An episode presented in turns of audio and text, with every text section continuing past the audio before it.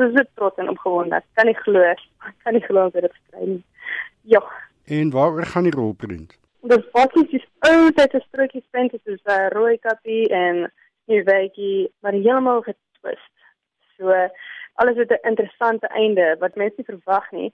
So veronderstel rooi kappie in plaas van die wolf wat haar eet, het sy hier so 'n houtgeweer pistool uit haar uit haar um she whips a pistol from her knickers en dan skiet sy die wolf en alles het 'n plot twist en hulle het al die stories het hulle soos Jack and the Beanstalk en Roy Kappie en Sneewytjie en uh ja, hulle het alles saamgeweef sodat al die stories connect en dit is briljant, dit is absoluut briljant.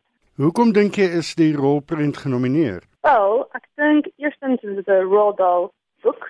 Dit is baie bekend en hy's 'n bekende skrywer. Tweedens dink ek dat dit twee vroulike heroines, female heroines in die storie en dit is baie populêre ding deesdae. En ek dink dit is net briljant geskryf. Die storie is briljant.